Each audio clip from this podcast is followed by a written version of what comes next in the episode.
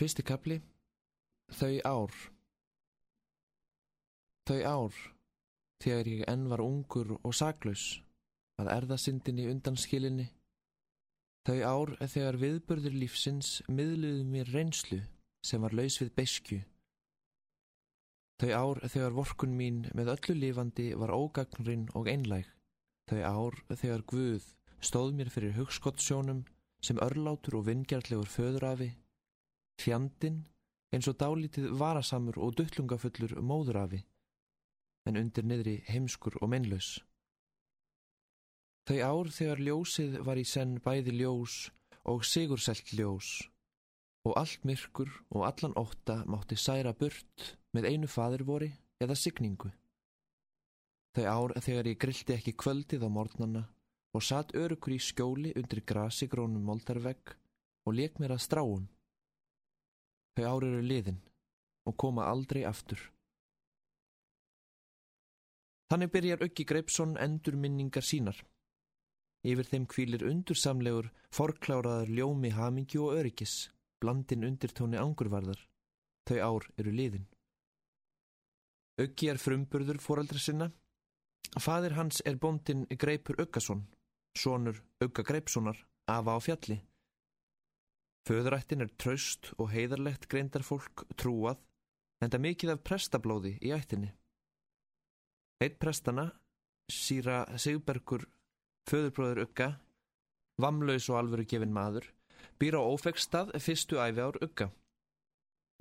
Móðir Ugga er Sesselja Ketilbjarnardóttir, kvöldu Selja. Hún er dóttir útvegsbóndans Ketilbjarnar Ranarssonar á Knarri.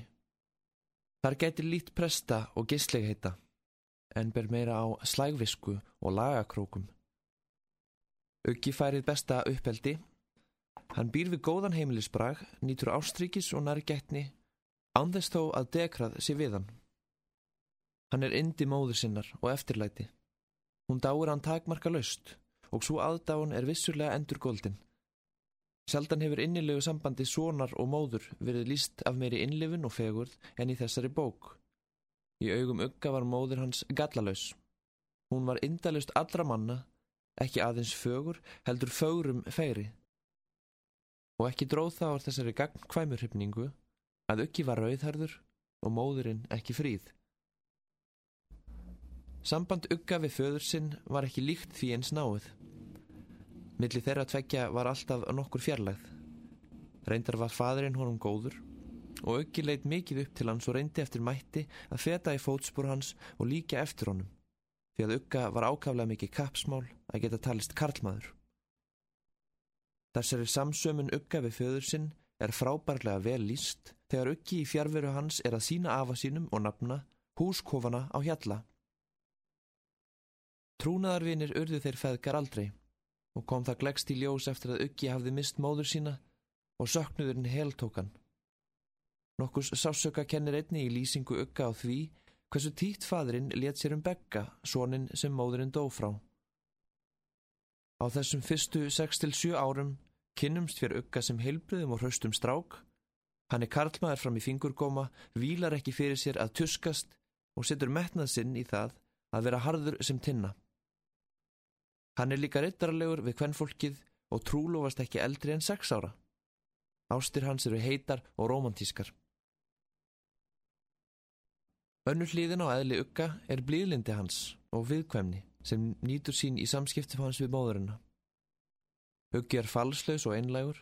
Hann venst því að fullornir segja honum satt og treysti honum. Sjálfur kann hann ekki að skrökva. Hann kemst líka því setna að hann er trúgjart mjög og óklókur að varast græsku annara.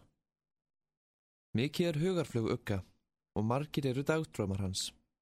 Trátt fyrir það eru tengsl hans við hinn ytri veruleika mjög tröst og heilbrið. Hann lifir mikið í heimi hugarflöksins. Hann er í senn gladur og reyfur, íhugull og alvörugefin, raunsar og draumlendur. Tilfinningar hans spanna yfir vitt svið. Sjónringur hans er óvenjulega stór, veldur því vafalust tvent, hennar miklu og næmu gáfur hans og þau fjöldþrættu áhrif sem hann verður fyrir frá umhverfi sínu. Fjallkirkjan er einstað bók að því leiti að hún er mikil fröðulegsnáma fyrir þá sem vilja glöggva sig á því hvernig hugarheimur barnsins mótast fyrir tilverkna þeirra sem það umgengst. Í fjallkirkjunni er bröðuð upp fjölmörgum svipundum af personum sem verða með öllu ógleimanlegar, svo lifandi eru þar, heilstiftar og sterkar. Og vissulega hafa þessar mörgu og ólíku personur haft varanleg áhrif á ögga, grópast djúft í sál hans, Mismunandi sjónamið þeirra og viðhorf hafa vakiðan til umhugsunar og ítt undir þörf hans til þess að fá fasta jörð undir fætur í heimi andans. Af þessari samfylkingu ber beggugömlu hæst, berglótu Sigurðardóttur, hið tröll trygga vinnuhjú fóraldrana. En hún er endar tvær personur, Rúm Helga Begga, svört af hlóðareg, úvinn á hár og oft stygglind, en stundum fús á að segja sögur og ævintýr. Hún er svo sem fyrst kemur ugga í skilning um tilgang ævintýrsins, tilgang hugarflugsins, þann að veita stundarlausn undan fargi erfiðrar og mæðusamrar tilveru. Ef allt færi eins í lífunu og í ævintýrunum, til hvers væru þá ævintýrin? En það er einnig hátíðabekka, uppábúin og guðrækileg, með Jónsson Vítalín að leðaljósi. Trúar viðhorf beggugomlu er skýrt og ákveðið. Hinn er góðu eiga í vændum eilífa sælu, hinn er vondu með að þóla píslir helvítis. Himnaríki og helvíti, Guð og fjandin eru henni ákaflega nálagar og næstum því áþreifanlegar staðreindir. Synd og freystingar sitja um hvern mann. Beggakemla þreytist ekki á að útmála trú sína á kjarnmikinn og litsterkan hátt svo að stundum fyrir hrollur um hinn næmgeðja og trúgerna ögga. Hann er hrættur við beggu, en þykir einnig vendum hana. Saman ber drauma órað hans þegar hann lág í sárum eftir hóf pústur skjónagamla. Hann var á flotta undan rúmhelgu beggu sem satum að stinga honum ofan í sjóðandi pott og elda úr hann um súpu, en sem betur fór kom hátíðabegga oftast til hjálpar á síðustu stundu. Verst var hver erfitt uggi átti með að þekkja beggurna sundur. Þess vegna vikslæðist af von og kvíði. Betur verður áhrifum þessarar stórfenglu persónu naumast líst. Engin vafi er á að hinn kraftmikla prétikun beggu á samt allri þeirri áherslu sem hún lagði á yllar tilneyingar mannsins og magnlitla baráttu hans við syndina hafa stuðlað mjög að þeirri sektarkent sem ábyrjandi varð í fari ugga og enginn er flest eldri verk Gunnars Gunnarssonar, en þó kom þar fleira til en kenning beggu. Af öðrum toga er hinn bjarta og milda guðstrú móðuröka. Hún var einlæglega trúið kona, trúði á algesku guðs og vernd hans, ef maðurinn begði sig undir órannsakanlega visku hans. Að vísu var hún hjátrórfull eins og beggagamla, trúði á drauma og hugbóð, en án þeirrar skuggalögu forneskju sem eingendi beggu. Hún kendi ugga að byggja og glætti hjá hann um tilfinningu fyrir föðurlegri handlegslu guðus, svo fremi að maðurinn breyðist ekki hinnu allsjándi auga hans. Þriðji ströymurinn kom frá Ketilbyrni, Ketilbyrni ranarsinni á Knerri, gamla pappa, förðurlegur Karl, ég þekki hann strax á nefinu, kunstugur í tali og ekki allur það sem hann var séður. Uggi gatt jafnvel trúað honum til þess að selja fransmönnum rauðharða stráka í beitu, en enda þótt Ugga þætti Karli svipa til fjandans, urðu þeir miklur vinir. Undir skráp Ketilbjarnar bjá óvinnju mikil hlýja og traust. Ketilbjörn var fullur af veraldarvisku og treysti mest á eigin hyggindi. Prestarnir áttu ekki upp á pallborði hjá honum. Reyndar var Ketilbjörn trúaður en á sína vísu. Skilningur hans á Guði kemur vel fram í viðræðum hans við ugga þegar þeir eru á heimleið frá jarðaför móður hans. Allir hér miskilja Guð. Vita ekki hvað hann er að fara. Nú, reyndar skilja hann ekki heldur. Þarna tók hann hann að selju mína og lætur ykkur börnin standa upp í móðurlaus Á ég að þakkonum fyrir það? Þakkonum fyrir það? Hann reyðist mér, ég reyðist honum. Það er þá vonandi kaup kaups. Hér er engin heigull á ferðinni. Ketilbjörn er reyður við Guð og viður kennir ekki að hann hafi á raungu að standa. Ekki fremur þar en annar staðar. Ketilbjörn hefði geta bætt því við að nú skorti illa hæstarétt til að dæma í málum þeirra. Þegar eina sem hann viður kennir er að Guð sé sterkari og fyrir mætti hans sé óhjákvæmilegt að láta undan síga. Það getur enginn farið allar leiðir. Enginn klifið öll fjöll, enginn orðið Guði yfir sterkari. Þreg Ketilbjarnar er óbögandi. Hvað sem á dynur er hann samur og jafn. Hann er í rauninni sá sem reynist ugga mestur haugur í horni, þegar hann þarf mikils við. En það er í samræmi við skapferðli þess að skrítna afa að uggi getur reyðist honum heftarlega án þess að hætta að þykja væntum hann. Þegar íhugað er þrósk segla og sjálfsafneitun ugga á sultartímum hans í Danmörku, fer ekki hjá því að manni finnist á því ketilbernskur blær. Sýra Sigbergur kemur fram á sjónarsviðið sem fulltrúi hinnar prestasælu föðurættar. Uggi metur hann mikils, en kynni þeirra eru stutt.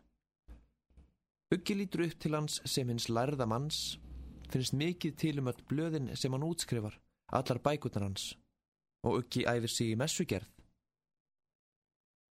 Enginnileg persóna var Sigga Menns, glóbjört á hár og gullfalleg, svo að Símón Dalaskáld þreytist ekki á að lofa hana í ljóði.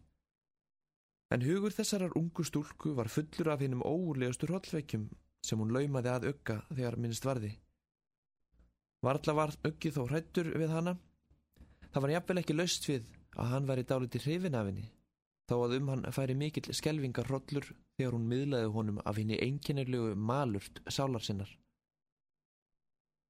Bísna rótgróin var einnig venátt að þeirra ugga og bjössa, þó með sérstökum hætti væri. Þar var allt með öfugum formörkjum. Bjössi var mistari í bölvi og gætt fléttað af þeirri snild að hann stóð á öndinni, augun í honum ránkvóldust og útvaðin basmunur hans varðað einu bróð hlaupi. Þegar mest gekk á, bjóstu Uggi við því að Bjössi myndi steipast beina leið til helvítis. Uggi var nefandi Bjössa í þessari list og má ætla að samviskan hafi ekki alltaf verið í sem bestu lægi þegar í huga eru höfð öll trúbóðin sem hvarvetna umkringdu hann.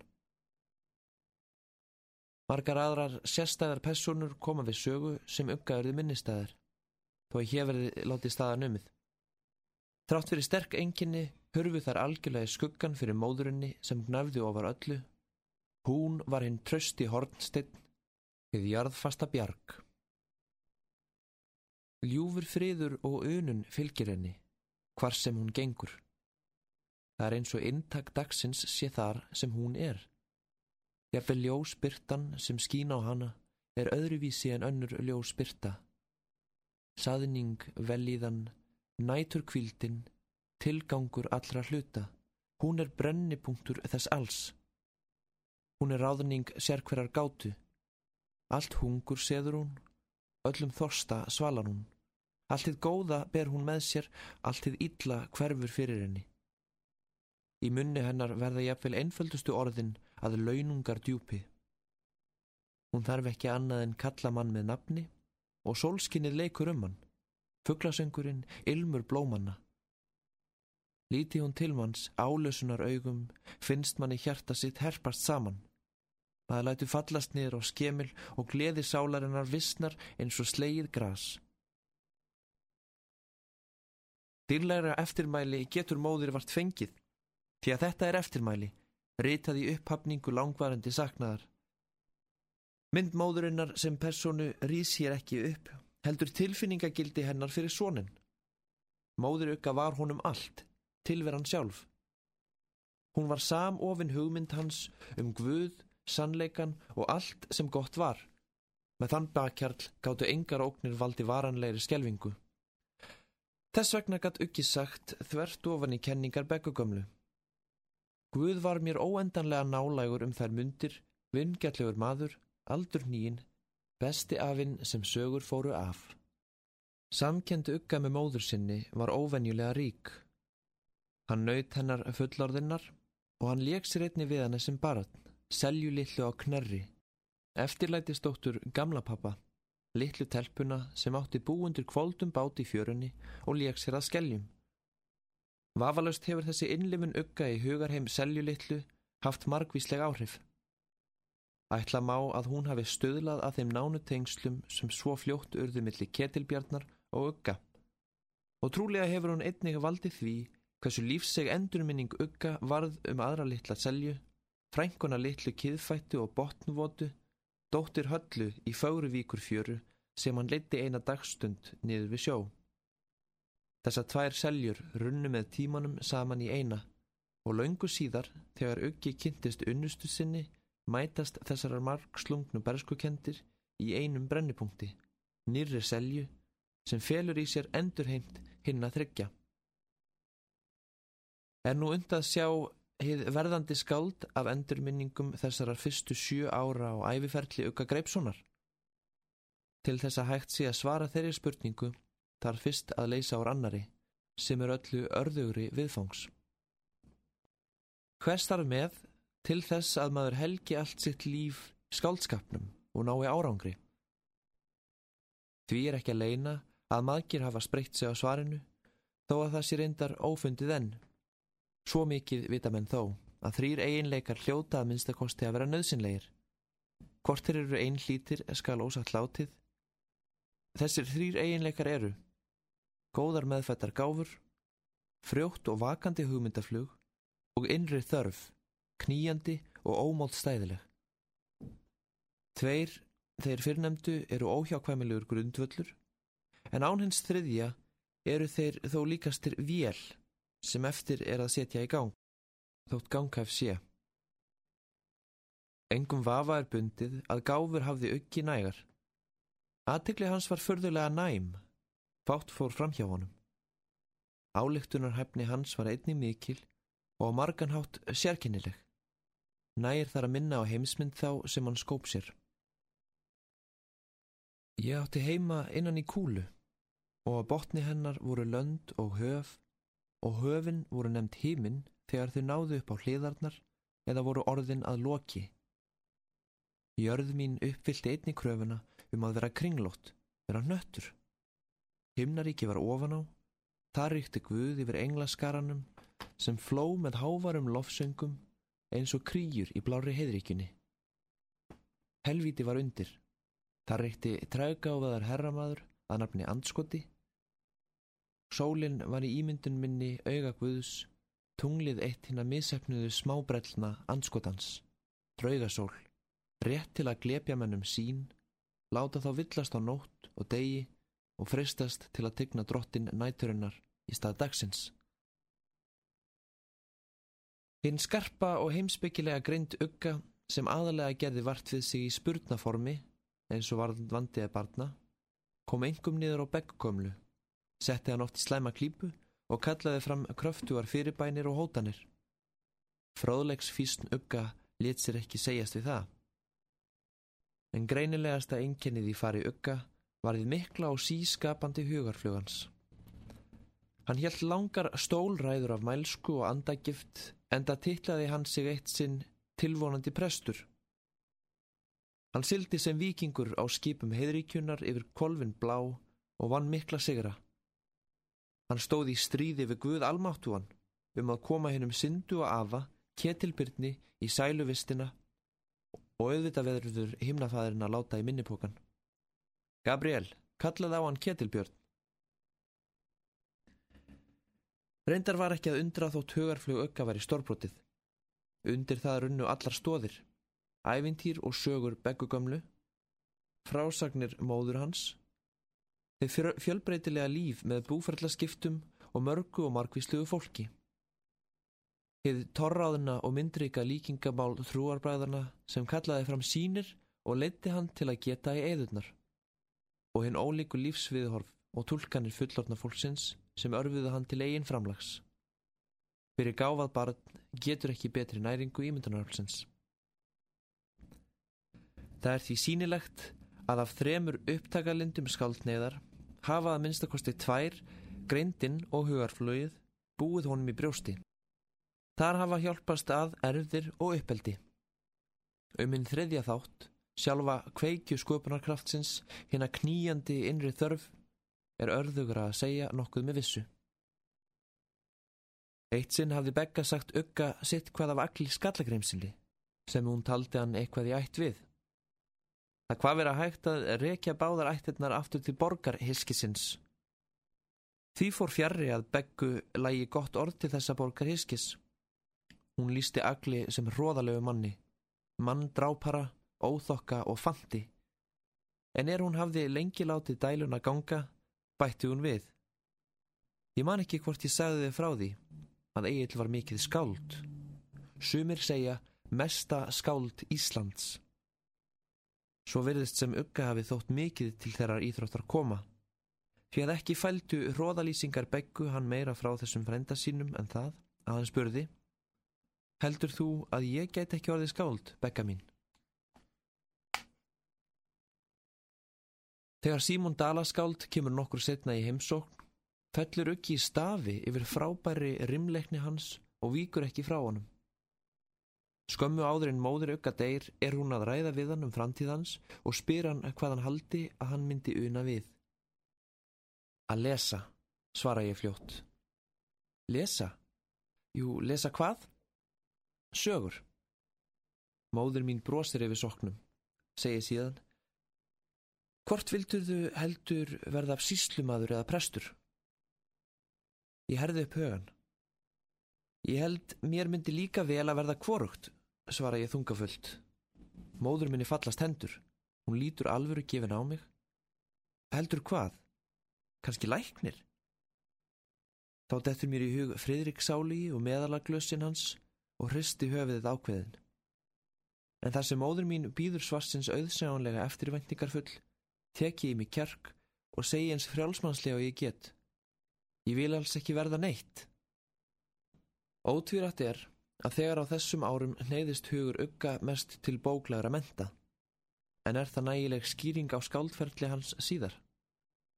Þegar á allt er litið eru hæfileikar og neyður ugga varðla svo mjög frábröðnir því sem týðkast hefur um fjöldamarka Íslendinga er þó hafa ekki orðið skáld. Sennilegast má telja að hefði uggi verið settur til menta eins og fyrirhugað var og átt að greiða leið framundan á því sviði hefði hann orðið einn af þessum mörgu bók neyðu og draumlindu embættis og mentamönnum sem algengir eru í þjóðfélagi voru. En í skáldatölu hefði hann tæplega komist. Forlaugin ætliðu honum annar hlutskipti, meinleg örlög, kallaði hins bakvitra begga það. Má vera. Í þeim örlaga þrungnu atbörðum sem áttu eftir að gerast, var þó vafalítið fólkin kveikja svo er gerði skáldskaparnistan að óslökkvandi báli.